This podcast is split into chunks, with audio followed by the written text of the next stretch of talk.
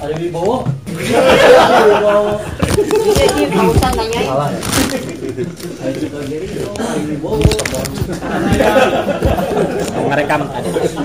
Mumpung belum. Pak Udan. Ridwan ngomong katanya temon. Gak apa-apa. Ampun banget. Biarin orang ngomong apa juga ya. Kalau kalau telat terima Ji. Iya. Teman-teman yang Allah muliakan Insyaallah wa yakum. Eh, Alhamdulillah ya banyak wajah-wajah baru meskipun stok lama. Mudah-mudahan istiqomah tadi. Selamat datang kembali Pak Izi, Pak Ridwan, Allah. Pak Yoga. Fatama. Pertama karena urusan keluarga. Oh. Masalah kan bukan urusan Bukan niat ngaji tadi. masalah keluarga. Tidak ada masalah baru ngaji. Enggak ada masalah lagi. Alhamdulillah bisa Pak berkumpul bermuajahah kembali. Jadi di antara kenikmatan pertemuan itu kalau kata Ibnu Qayyim itu adalah ketika sudah lama tak bertemu. Terus kemudian dipertemukan kembali dalam eh, suasana yang kita pernah sama-sama menjalaninya. Jadi dalam CLBK mah cinta lama bertemu kembali. lah. Iya. Belum kelar, omset turun belum. Eh, teman-teman ada beberapa insight yang bisa kita lihat di surah Al-Baqarah tadi. Jadi Allah menerangkan tentang bagaimana dulu orang-orang Bani Israel ini memang salah satu karakternya itu banyak bertanya hal-hal yang tidak penting lah.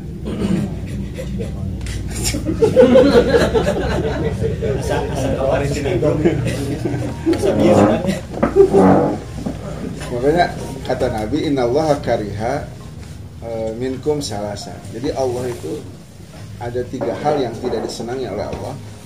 Itu di antaranya salah satunya adalah kila wa qala. Jadi ketika kita banyak bertanya sesuatu yang sebetulnya tak perlu ditanyakan.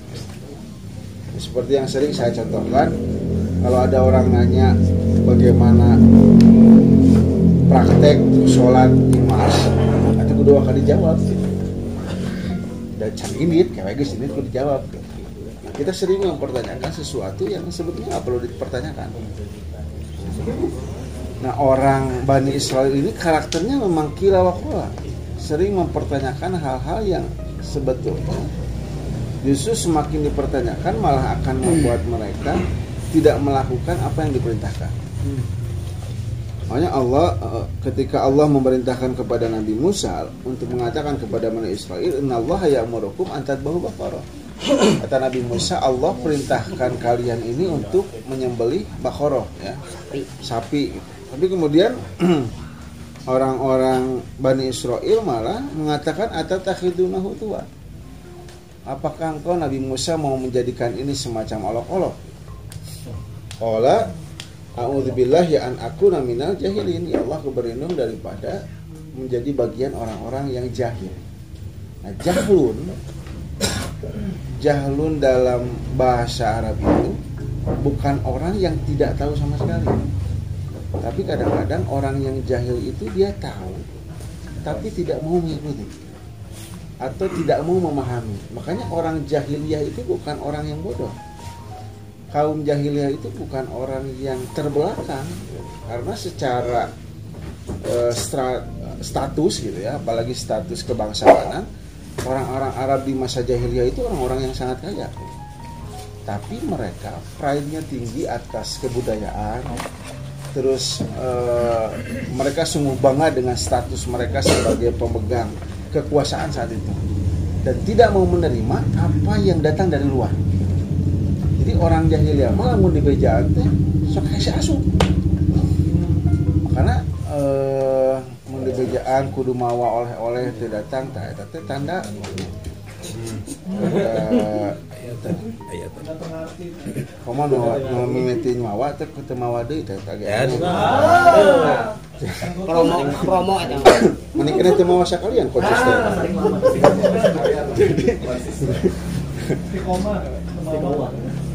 Maka Allah meminta agar kita berlindung daripada orang yang jahil, agar tidak dikelompokkan sebagai orang yang tahu tapi tidak mau ikut gitu.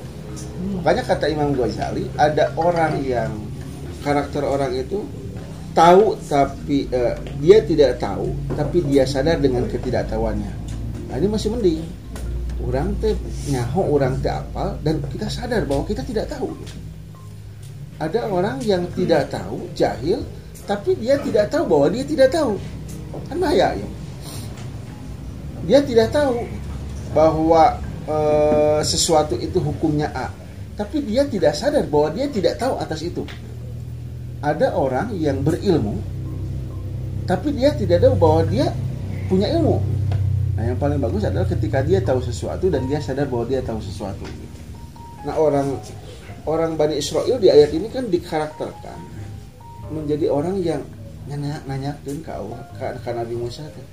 Allah perintahkan untuk sembelih kam- apa sapi, tapi kemudian kan ditanya warnanya apa, jenisnya apa, gitu.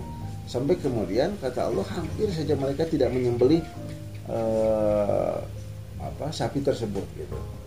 Nah, sering kali kita mempertanyakan sesuatu itu, ya emang doa teh penting gitu ke orang, gitu terus emang sholatnya penting tuh ke orang. Gitu.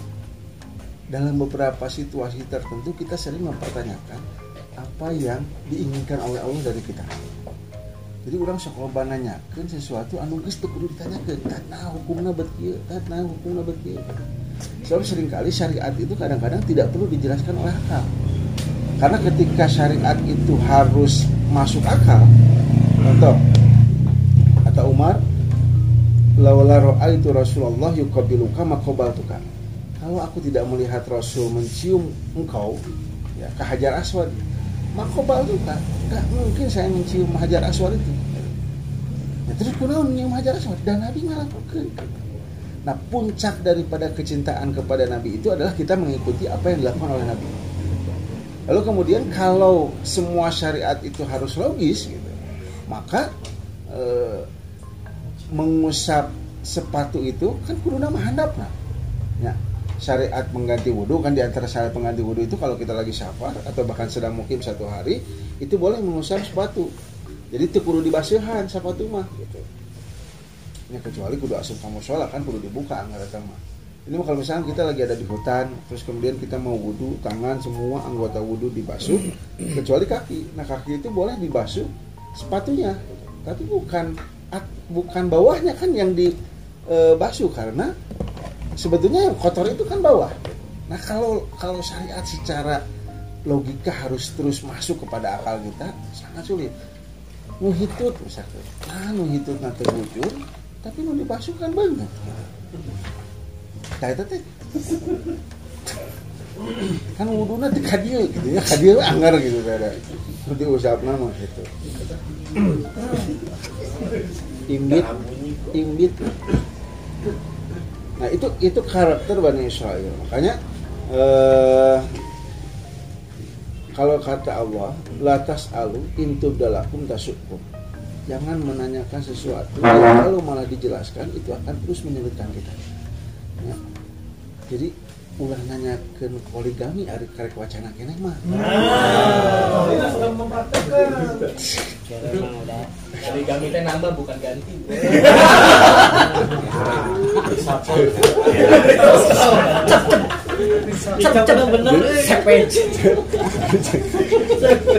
jadi jangan jangan mewacanakan sesuatu yang kita sama sekali nggak mungkin melakukannya Eh, secicing lah gitu ada yang bisa ngelakuin mah Kok nggak bisa kok?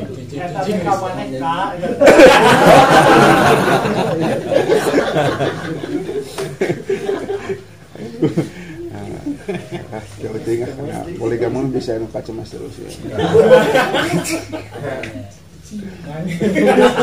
Ya saya bisa jadi adat kan. Tendensius. Ada. Baik. Langsung ditoto gimana? Jam setengah dua ya Pak. karena enak sesi serius kayak sesi sesi lebih seriusnya nanti sampai jam dua lah gitu nah, nah itu perintah Allah tuh begitu jadi jangan mempertanyakan sesuatu yang kalau kita belum bisa lakukan jangan lakukan gitu.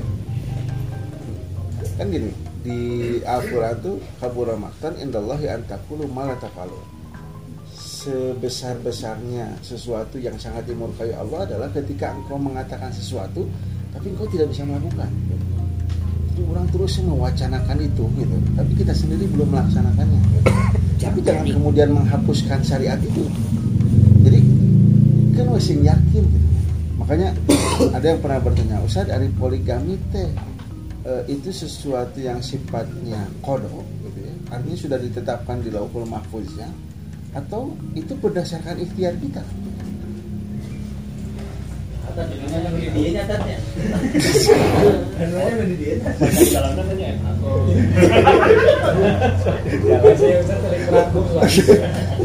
jadi nah eh, itu sesuatu yang Allah sudah takdirkan tapi semua berdasarkan ikhtiar kita. Hari orang tengah ikhtiar nepi kadinya nah, contoh misal di antara salah satu ikhtiar yang dilakukan itu adalah belajar kepada Nabi Ibrahim yang ditanamkan pertama kali itu adalah tauhid jadi kalau mau seorang istri menerima kita untuk berpoligami tanamkan dulu tauhid gitu. agar apa agar kecintaan kepada kita itu tidak melebihi kecintaan kepada Allah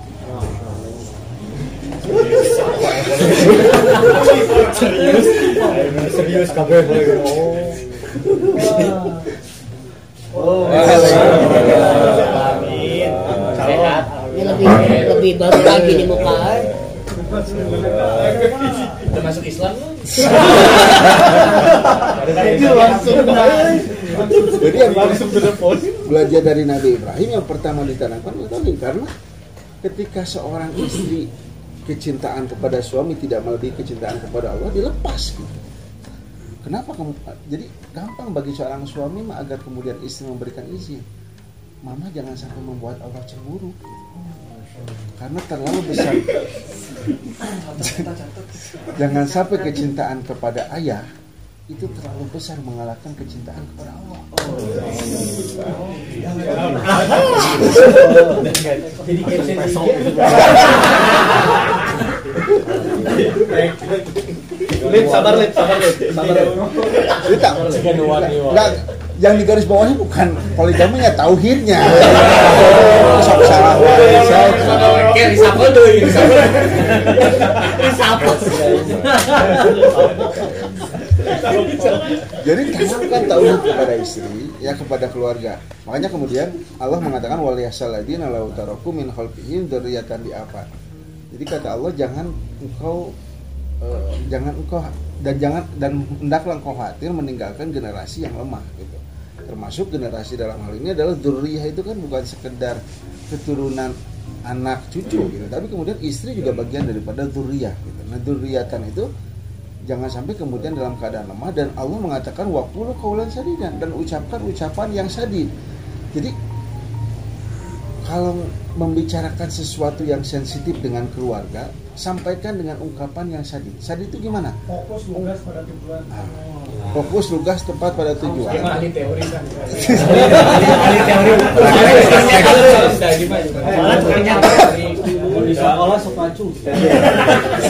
Serius serius ini. Tapi di dalam sadid itu ada makna pemberian afirmasi gitu. Jadi hari ngobrol ke istri mah ke, ya nya urang teh rek kumaha ngobrolkeun tauhid urang nanti tinggali ahli tauhid Amah teh ulah gede teh kacintaan ka aya kudu gede kacintaan ka Allah. Ari urang nanti nunjukkeun mau angkat tinggali gitu.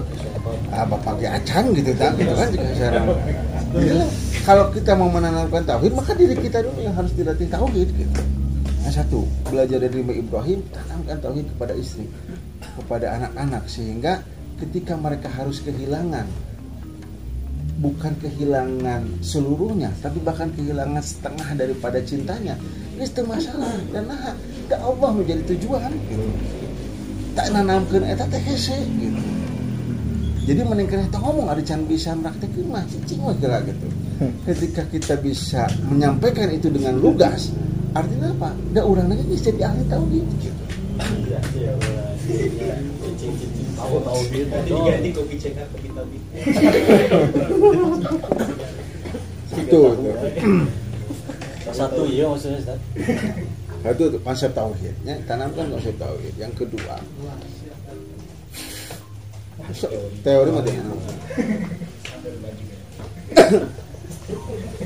dan yang jadi gini kan Allah di surat Ali Imran ayat 190 itu mengatakan Inna fi khalqis samawati wal ardi wa ikhtilafil laili wan nahar la ayatin li ulil albab. Jadi dalam penciptaan langit dan bumi, pergantian siang dan malam itu ada tanda bagi orang yang ulul albab. Kenapa Allah mengungkap ulul albab tidak ulul kulub, tidak ulul sudur ya? Kenapa Allah tidak mengungkap? Padahal ungkapan hati dalam Al-Quran itu banyak. gitu.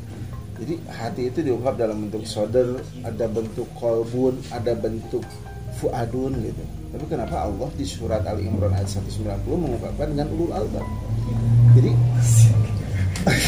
lubun itu itu hati yang paling dasar, hati yang paling dalam, yang ketika alladzina yadhkurunallaha qiyaman wa qu'udan wa ala junubihim. Yang mereka selalu ingat Allah baik di kala duduk, berdiri dan kemudian berbaring. Makanya pertanyaannya adalah eh, ya katakanlah seminggu kemarin kita bertemu hari ini Senin yang lalu terus kemudian hari ini kita bertemu. Dalam seminggu ini ada tidak sesuatu yang kemudian membuat kita teringat dengan Allah? Jadi ada tidak sesuatu pengalaman kejadian mau dalam bisnis mau di keluarga mau di masyarakat mau dengan anak-anak yang kemudian ingat mengingatkan kita bahwa apa yang kita miliki hari ini itu semuanya sejatinya adalah pemberian Allah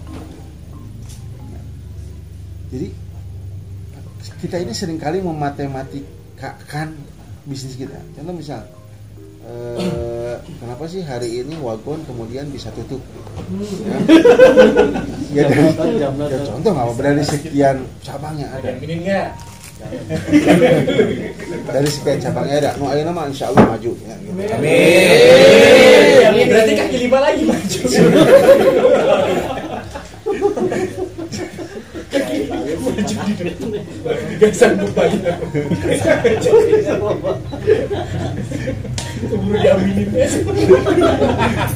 Eh, nggak- kita kan sering kali mematematikakan saat ini tuh kurang perhitungan dan sebagainya sebagainya banyak lah ya atau misalkan hari ini kita tanya kenapa kemudian kopi cenghar ketika orang lain terpuruk ini malah Membangun. membangun gitu kan gitu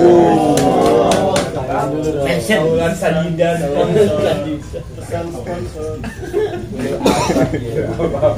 nah sering kali kita mematematikakan apa yang eh, menjadi pencapaian kata kita hari ini itu dengan hasil kerja keras kita gitu karena dalam mereka ngabandingkan kekayaan kita hari ini mau kewenangan naona dibandingkan jeung corona hari itu gitu ya eh, kalau mau membandingkan kekuasaan kita hari ini kekuasaan kita saat ini tidak apa-apa dibandingkan kekuasaan Firaun kan gitu Rumah saya sombong.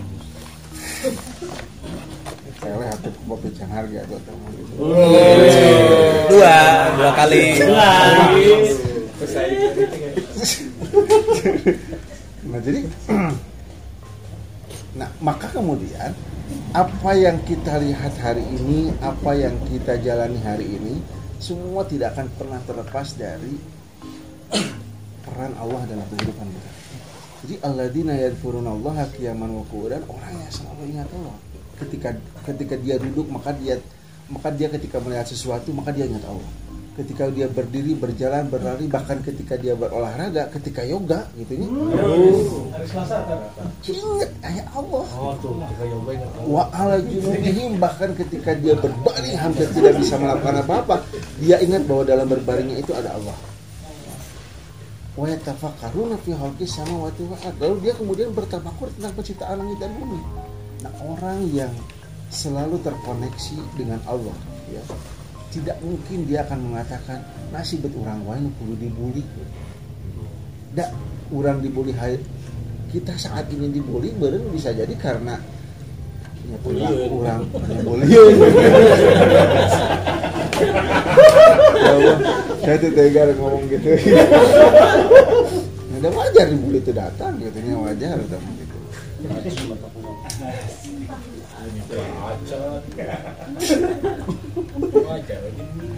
Wa yatafakkaruna fi khalqis samawati wal. Lalu dia bertafakur tentang penciptaan langit dan bumi. Nah, orang yang selalu terkoneksi dengan Allah, maka dia akan hanya mengatakan Rabbana ma khalaqta hadza batila."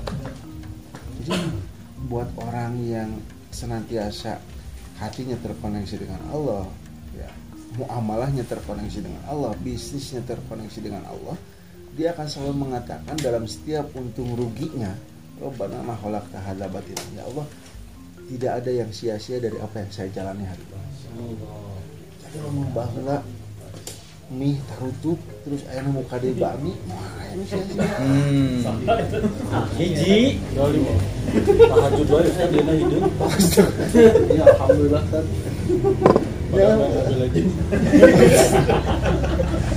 Enggak ada yang sia-sia. Ya, Robbana mah khalaqta hadza batilan. Kalau dulu misalkan buka dua cabang kopi sekarang beralih kanu ayam, wah ayam. Enggak, gitu. Robbana mah khalaqta hadza batilan. Ya Allah enggak ada yang sia-sia daripada apa yang kau takdirkan kita. Oh. Nah sering yang sulit dari kita itu adalah sering kali kita kesulitan untuk menangkap pesan itu. Nah kenapa kita kesulitan menangkap pesan itu? Tadi seperti halnya orang-orang Bani Israel yang sering kali mempertanyakan apa yang terjadi pada dirinya. Jika mengkatimba musibah, nah si bet saya mengkatimba musibah, iya tisi tama, nah bet si eka, bet si iya. Kan sudah Allah nimpakeun musibah ka urang, geus moal sia-sia gitu. Nah si bet cenghar anu katimpa musibah teh gitu nya. Nya nah, kan kita sering bet nahan. Musibah coba. Eh coba rek ujian eta teh keneh meureun lemes. Papait mah eta. Papait mah malah. Baru hadir cuy. Hayang maju, hayang maju. Maju. Maju.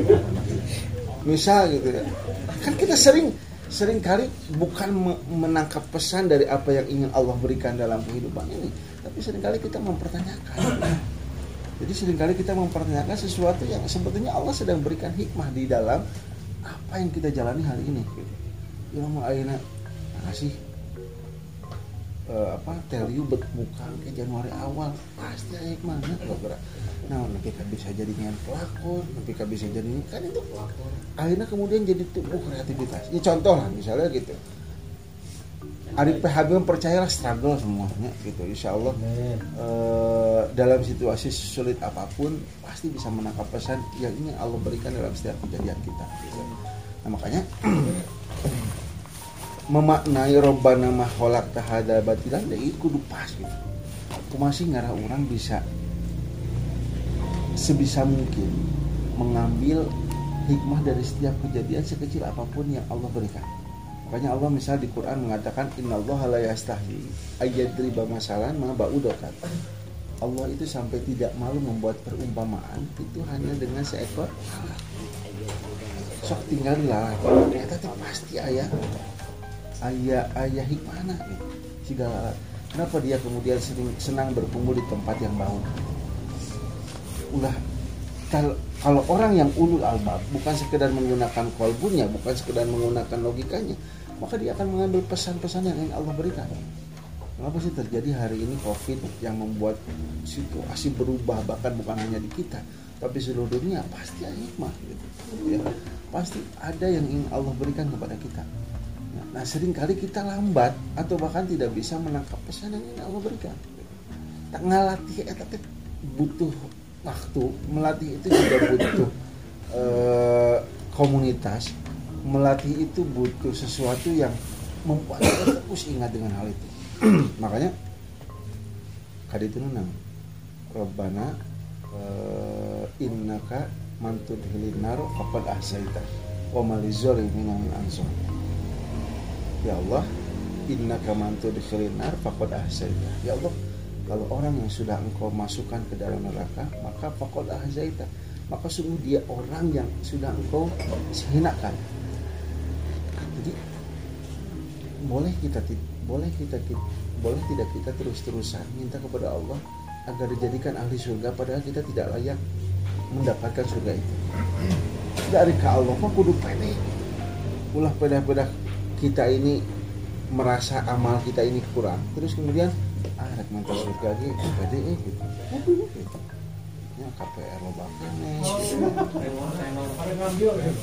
Channel panjang kene gitu ya. Atau nikah acan gitu ya. Ah, kena seri. Eh, sering kali kita kan tidak pede untuk meminta itu sama Allah gitu. Padahal Allah wa antum mukinun bil ijabah.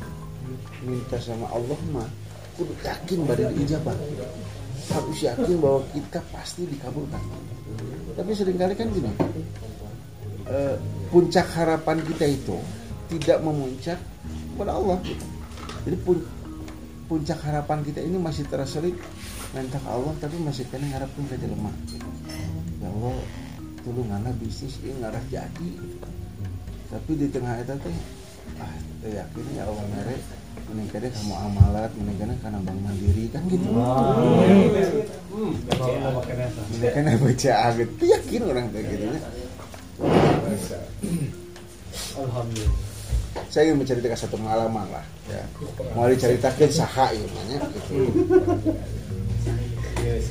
jadi ini sudah perlu saya mention cing we.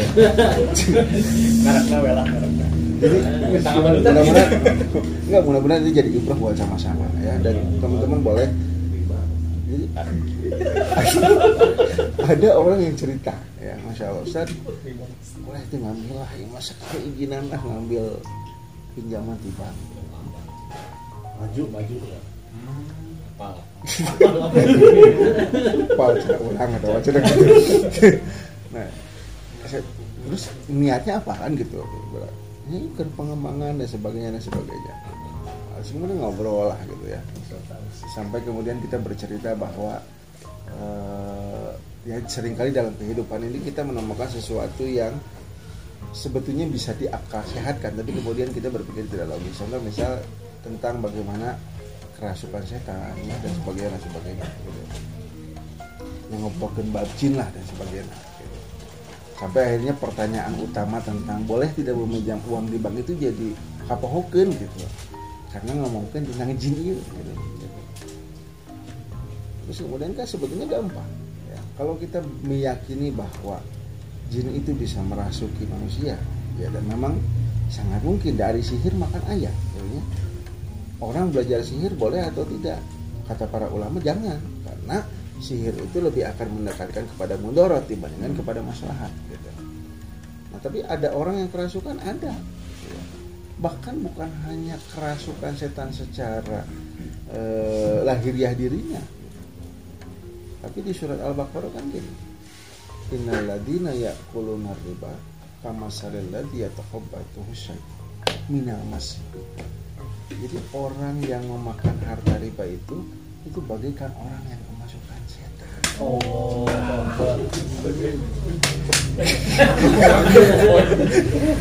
setan mana enggak ini mah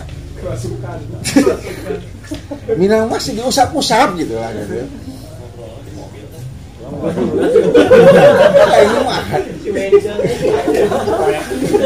Daun, daun, daun. jadi eh, Sebagian besar tungkul ya balik tapi kan ada nomor masa kue boleh ditambah Nulis bintang lima mah.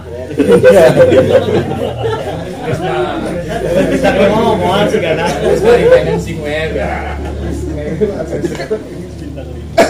Ser- sering kali gitu tekan.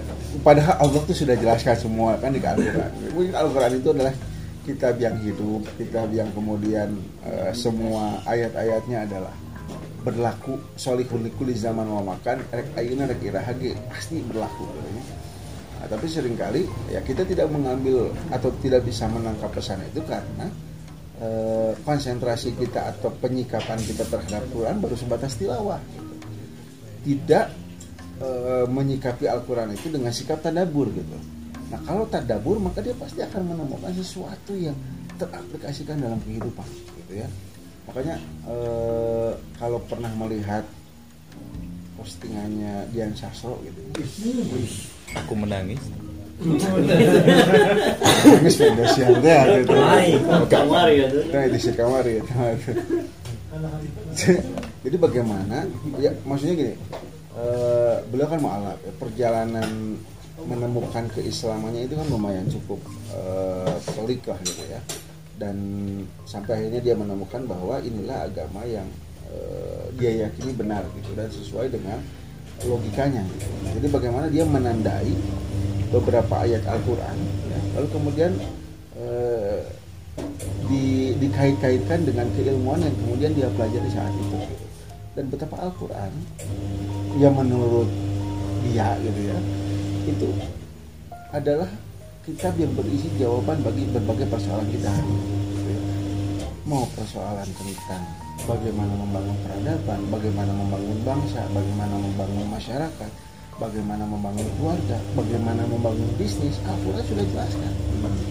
Nah, tapi orang naik tenang kapasan kata Al-Quran itu kan ayat kuliahnya firman Allahnya. Ya. tapi sering kali untuk ayat kuliah pun kita belum bisa mengambil. Oke lah contoh Ustaz aduh saya eh, karena Quran mah kan bisa memahami tapi bisa tidak kita menangkap ayat kaunnya? Wa yatafakkaruna fi khalqis samawati wal ard. Masih Allah tuh menciptakeun eh, madu. Si Allah tuh menciptakeun jangkrik. Si Allah tuh menciptakeun ieu. Itu pasti ada sesuatu yang Allah berikan. sama kita si Allah tuh menciptakeun puting kersare gitu. Nah betul dibalikin sok. Cobaan mah kita lawan sunnatullah itu. Ya. tong diledeting nah saminggu balikin ya. Berang jadi puting puting jadi berang Gak akan kuat kita menerimanya mana kita kuat ya nagi geus mulan Kolot Udah sembuh. Terus semua semua udah jam 10 pulang dari telepon. Itu kita boga bisnis ya. Masih kudu kurang. Frontal itu mah. foto Gak wajib pasaring jadi gara dia. Nih Foto Abu Janda.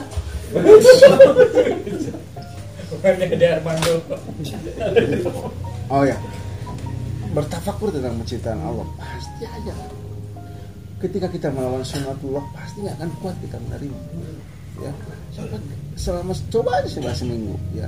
Kita ubah sunnatullah itu. Siang menjadi waktu istirahat malam menjadi waktu aktivitas. Kita akan kuat Asiksa kan. Hah? Asiksa. Kenapa? Karena kita tidak dibuat untuk itu. Dan kita artinya tidak bisa mengambil sesuatu yang yang Allah berikan. Lu penting sok dasar ngenah-ngenah na istirahatnya penting. Gitu. Ya kurang mereka kumaha hati berana ti isuk-isuk nepi ka sore anger liur gitu. Ya. Kecuali ke Ramadan sih gitu ya. Buat keadaan-keadaan dengan Dia lagi dipaksakan. Nah itu artinya apa? Artinya Allah Masya Allah Rabbana maholak kehadapat ya Gak ada yang sia-sia daripada apa yang Allah ciptakan Hari ini kita di sini Itu kalau bukan karena kuasanya Allah kumpulkan kita hari ini nggak akan kita kumpul hari ini Kenapa? Jadi Allah ciptakan ini dengan sempurna gitu ya Cok diri orang Orang tinggal sempurna ya Makanya kenapa kemudian Dan Allah itu Al-Quran itu sering kali merekam sesuatu itu dengan hikmah yang luar biasa. Contoh misalnya, di Al-Quran itu inna sam'a wal basor wal fu'ad ulaika kana anhu, anhu mas'ul.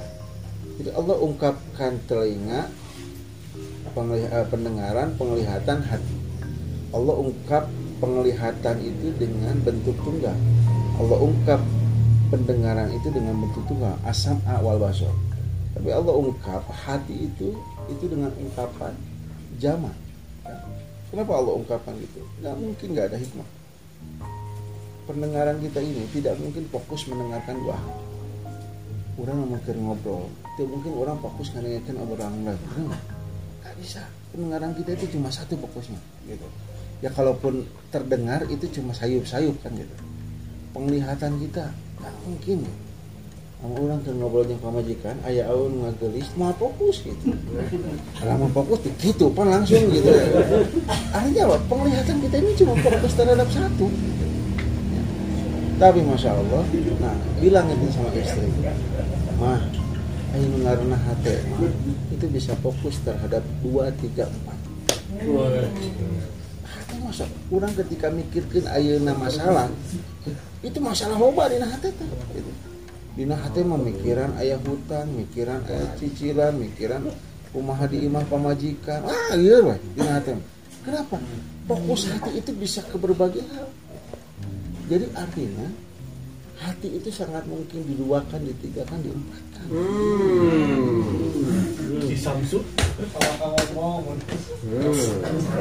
Ya teori nama ya logis lah apa timiliti kajian PHB teh. mengambil teori. Ya mangga tuh tadi. Ayo saya dah, eh, hanya memberikan nasihat saja. Eh, nah, jadi hati itu dia bisa fokus dengan banyak hal. Berbeda dengan pendengaran dan penglihatan. Itu kan hikmah yang luar biasa. Jadi Allahumma sampai hal sedetil itu pun Allah ungkap. Ya, sampai Allah perhatikan detailnya ini kenapa? Masya Allah luar biasa. Tidak mungkin ada kitab sesempurna inilah. Ya, tidak mungkin ada kitab yang sampai memperhatikan detail seperti itu. Dan luar biasa gitu. Lagi-lagi asal kita mau ya tafakkaruna fi wal ardh. Mau memikirkan tentang alam semesta ini. Ya alam semesta itu nu katingali ku orang itu bisa jadi ilmu. Makanya rugilah mun setiap hari yang kita lalui itu tidak jadi ilmu. Sapoe teh kudu we ilmu anyar. Minimal pulang ti pengajian ieu apa nama tadi pengajian teh mah yang paling penting itu adalah ajaran tauhid. Rumah eta teh Pak, karena geus penasaran gitu mah gampang asupna gitu. Yang penting apa tadi pelajarannya? Yang paling penting adalah ajaran tauhid. Eta teh ajaran tauhid teh? Ya Nabi Ibrahim teh. Terus kumaha Nabi Ibrahim teh? Papa teh ini di Quran ya ada ayat-ayat begini masuk gampang gitu. Masuk. Jadi masya rugi kalau setiap hari kita tidak menambah ilmu. Makanya dulu gu- guru saya pernah mengatakan setiap hari minimal dari apa yang kita baca, apa yang kita lihat, apa yang kita apa yang kita dengar itu harus jadi ilmu. Ya.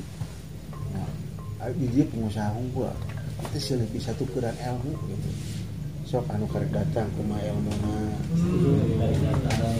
anu yang sudah lama bagaimana ilmunya juga. Kan sudah bisa bertukar ilmu. Masih bisa bisa nepi ke survive di tengah kondisi seperti ini. Itu harus berbagi ilmu. Nah, biasa masya Allah. Ada teman-teman yang ternyata senyap tapi luar biasa pencapaiannya. Contoh misal Kang Panji ya hari ini menargetkan 7000 pieces per bulan untuk ininya. Doakan Seragam can biji le seragam PHB.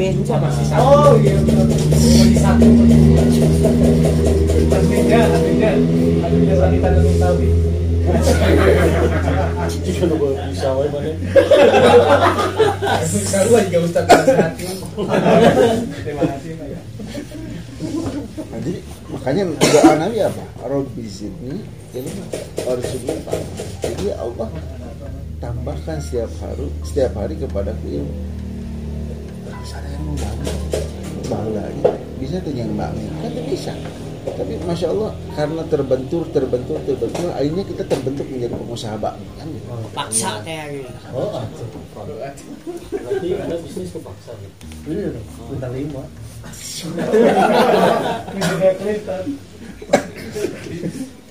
Jadi, nah, lebih sini ilmu warzuqni paman ya Allah tambahkan kepada ilmu setiap hari warzuqni paman dan karuniakan saya untuk bisa memahami ilmu itu. Gitu. Kudu aja nama ilmu anyar. Ya. Minimal lamun orang yang fokus di satu bidang ilmu semakin bertambah ilmu kita. Ya, contoh misal wawasan kita mengenai contoh poligami itu tiba lagi saya. Tapi kan trik-trik yang baru teh orang can apa? Minimal tiap hari teh nama trik anyar gitu lah. Ayo mereka, semangat. Cewek praktik mereka. Semangat. Contoh misal dalam berbisnis kan pasti ada ilmu baru yang hari ini kita dapatkan, ya. Oh hari ini kita begini, oh hari ini kita begini, oh hari kita begini. Terus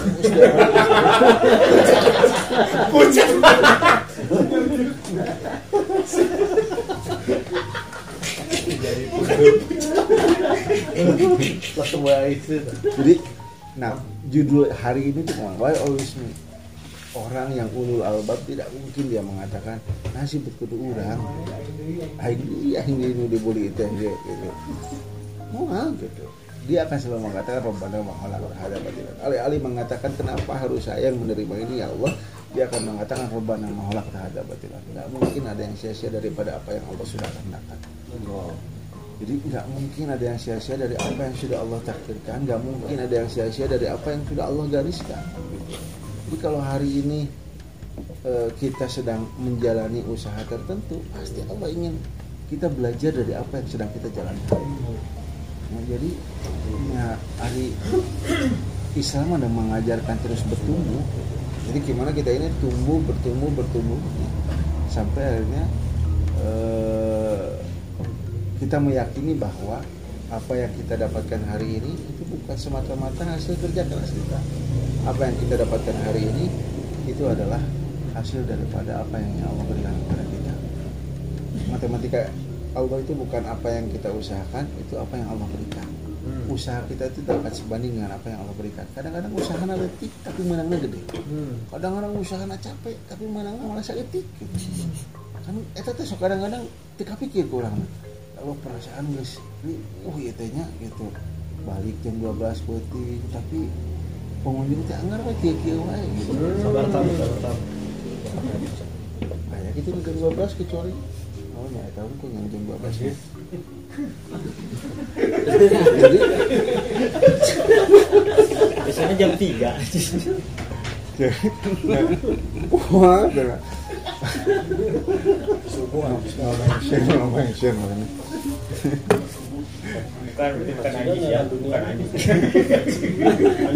Juga. Tutup jam 10 juga kembali Ci ya. Ya, jadi itu kan doa. Robbana ma khalaqta hadza batila. Kita malah meninggali sesuatu ketika kita mendapatkan ilmu, ketika kita mendapatkan hikmah daripada yang kita jalani. Ya Allah, tahun sia-sia ternyata. Tina naon-naon anu ku Allah digariskan ka urang. Kita diberikan pasangan yang masya Allah luar biasa mungkin cerewet ya. Membatasi pergerakan kita. Kan ayah nu diberi kitunya ujian nanti dirinya ayah gitu nya ya Rabbana mahalak lewatilah ya Allah lamun saya tidak diberi nu cerewet mah ah murid saya geus kumaha